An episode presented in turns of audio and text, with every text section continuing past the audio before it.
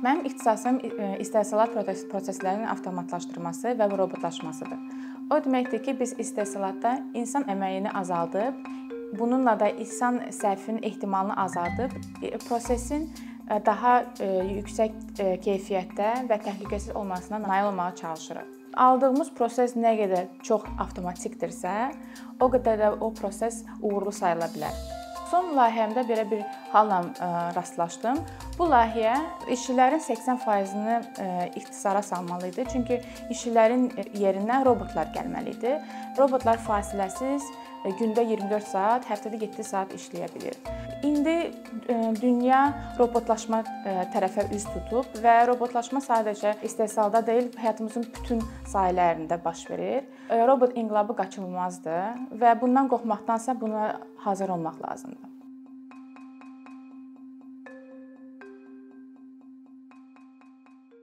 Robotların inteqrasiyası daha çox e, istehsalatda baş verib, çünki mexaniki işləri daha asandır robotlarla əvəz eləmək.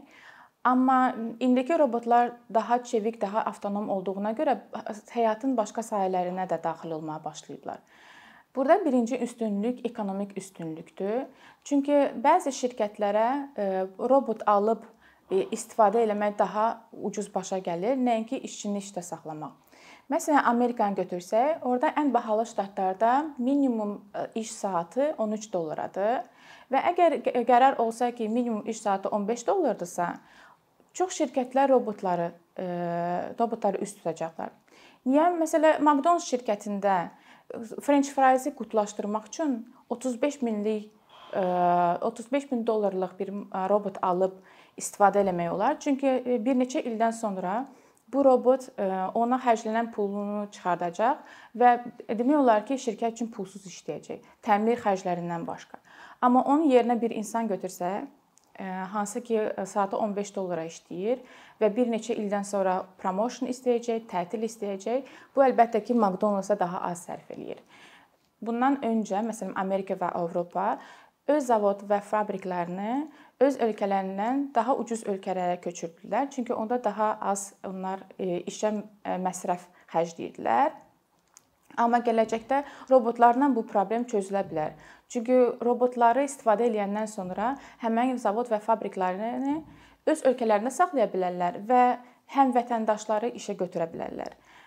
Bu əlbəttə ki, fərqli artıq e, iş bölünüsü olacaq. Çünki burada artıq insanlar və robotlar birgə birgə əməkdaşlıq formasında çalışacaqlar.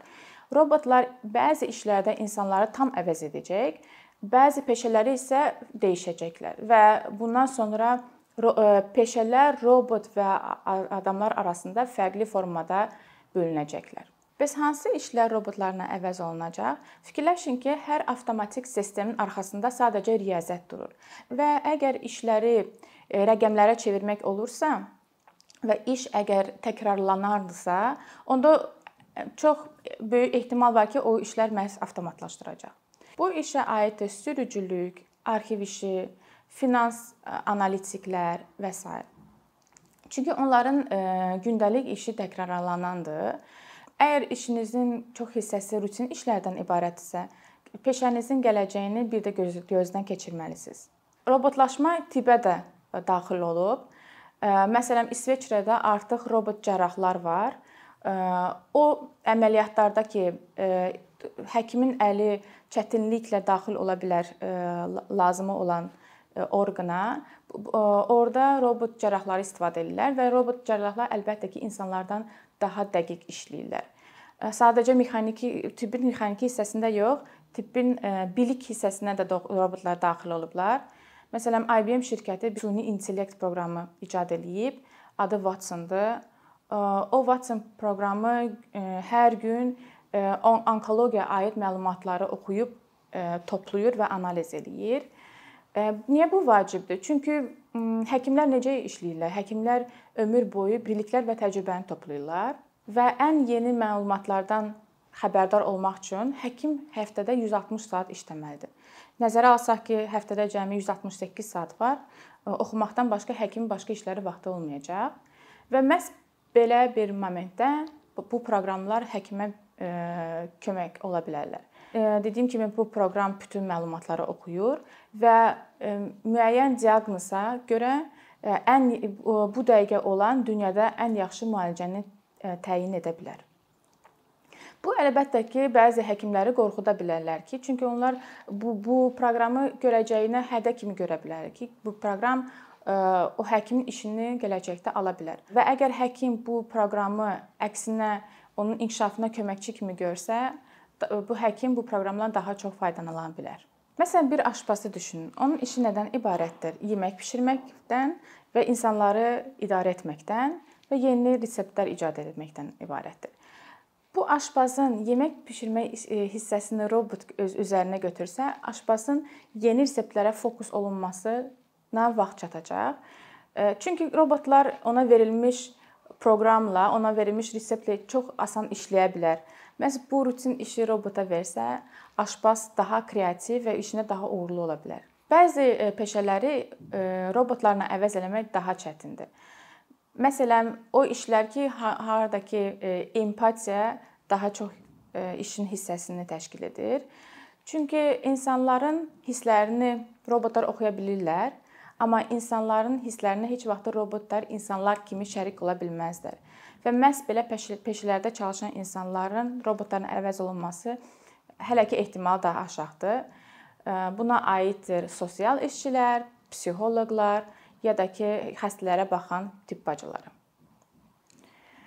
Ondan başqa da kreativlik tələb edən işlər də insan tərəfindən görüləcək. Çünki əlbəttə ki, proqrama data daxil edib hansı bir yeni ideya ala bilərsən. Amma ən təbii, ən original, əvəzolunmaz yeni ideyalar məhz insan beynində yarana bilər. Ona görə də kreativ işlər, məsələn, rəssamlıq, mühəndislik, Bunlar hamısı hələ ki insan tərəfindən görünəcək. Və sonuncu insan arası münasibətləri həll edən, insanları idarə edən peşələr qalacaq. Çünki sosial intellekt hələ ki məhz insanlarda var və bu sahədə işləyən insanlar, rəhbərlər, komanda rəhbərləri, layihə rəhbərləri robotlarla əvəz olunma, əvəz olunması daha az ehtimaldadır. Keçmiş təhsil sistemi necə idi? bilikli daha çox bilikləri kitablardan öyrənib yaddaş yaddaşda saxlamaq və əzbərçilik idi. Amma indiki zamanda robotlar əlbəttə ki, bunu insanlardan daha çox və daha sürətli və daha effektiv edirlər. Ona görə məhz bilikləri toplamaqla e, universiteti bitirib iş bazarında e, uğurlu olmasına qaranti deyil. E, və gələcəkdə əgər insanlar robotlarla rəqabət aparsalar, məhz bilikləri də insanlar robotlara uduza bilərlər. Ona görə də insanlar sadəcə bilikləri toplamaqla deyil, başqa bacarıqlarını da inkişaf etməlidirlər. Strateji düşünmə, kreativlik, insan kommunikasiya bacarıqlarını məsələn. Biz robotlara gələcək işimizə təhlükə kimi yox, bizə köməkçi kimi baxma, baxa bilərik. Çünki robotlar bizim ən sevmədiyimiz rutin, təkrarlanan və maraqsız işlərimizi biz, bizdən götürə bilərlər və bizə vaxt verə bilərlər ki, biz və o vaxtı yeni düşüncələrə, yeni fikirlərə, yeni ideyalara, planlaşdırmağa həsr edək. Çünki məhz rutin işlərdən başı açılan insanın yeni ideyalara vaxtı olacaq. Əlbəttə ki, sənaye 4-cü sənaye inqilabı qaçılmazdır. Biz isə bundan maksimum bəhrələnə bilərik və fikirləşə bilərik ki, robotları biz necə həyatımızda köməkçi kimi istifadə edə bilərik.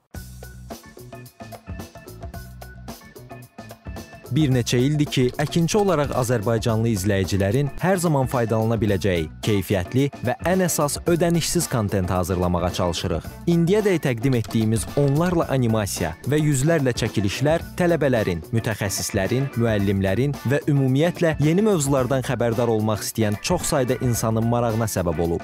Bu illər ərzində hazırladığımız videolar təhsil, texnologiya, ictimai fəallıq, iqtisadiyyat, gender bərabərliyi, ətraf mühit, ifadə ifadə azadlığı, hüquq, demokratik inkişaf, mədəniyyət və digər mövzuları əhatə edib. Məqsədimiz çoxlu baxış gətirən deyil, çoxlu fayda gətirən videolar hazırlamaqdır. Amma bu düşündüyümüz qədər asan deyilmiş. Gördüyümüz iş kifayət qədər resurs, əmək və təbii ki, davamlılıq tələb edir. Bu səbəbdən Patreon platformasından istifadəyə başladıq. Əkinçinin Patreon hesabının populyarlaşmasına çox böyük ümidlərimiz və gözləntilərimiz var. Bəziləriniz Patreon haqqında ilk dəfə eşidirsiniz. Əslində çox sadə izahı olan bir platformadır. Təsəvvür edin ki, siz rəssam və ya musiqiçisiniz. Sosial şəbəkələrdə sizi izləyən, işinizi bəyənən çox sayda insan var. Patreon platforması sizə imkan verir ki, izləyicilərinizin könüllü aylıq ödənişləri sayəsində işinizi davam etdirəsiniz. Sərgi, konsert zallarından asılı qalmayasınız. Amma bu təkcə rəssam və musiqiçilərə aid deyil. Məsələn, əkinçiyə bənzər fəaliyyətlə məşğul olan bəzi layihələrin 10 minlərlə patronu var. Biz də düşündük ki, nə üçün əkinçinin Patreon hesabı olmasın? Sizin dəstəyiniz sayəsində biz daha çox və daha keyfiyyətli kontent yaratmağa davam edə biləcəyik. Amma bu dəstək yalnız maddi dəstək deyil. Dəstəkçilərimizin sayının artması gördüyümüz işlərin faydalı olduğuna dair əminlik verir. Patreon platformasından istifadə çox sadədir. Hesabınızı açırsınız, sizə uyğun dəstək növünü seçirsiniz və Patreon özü hər ayın ilk günü kartınızdan seçdiyiniz dəstək növünə uyğun ödəniş tutur. Bu qədər. Sonda onu demək istəyirik ki, dəstəkçilərin sırasına qoşulmaq istəyən, amma məhdud imkana görə bunu edə bilməyənlər narahat olmasın. Daha öncə dediyimiz kimi, bizim əsas məqsədimiz daha çox insanın hər zaman faydalana biləcəyi keyfiyyətli və ödənişsiz kontentin yaradılmasıdır. Bunun üçün mütləq patronumuz olmalısınız deyə məcburiyyət yoxdur. Amma imkanınız patron olmağa çatırsa və bizim işimizi bəyənirsinizsə, patronlarımızın sırasına qoşulmağınız bizim üçün çox önəmlidir.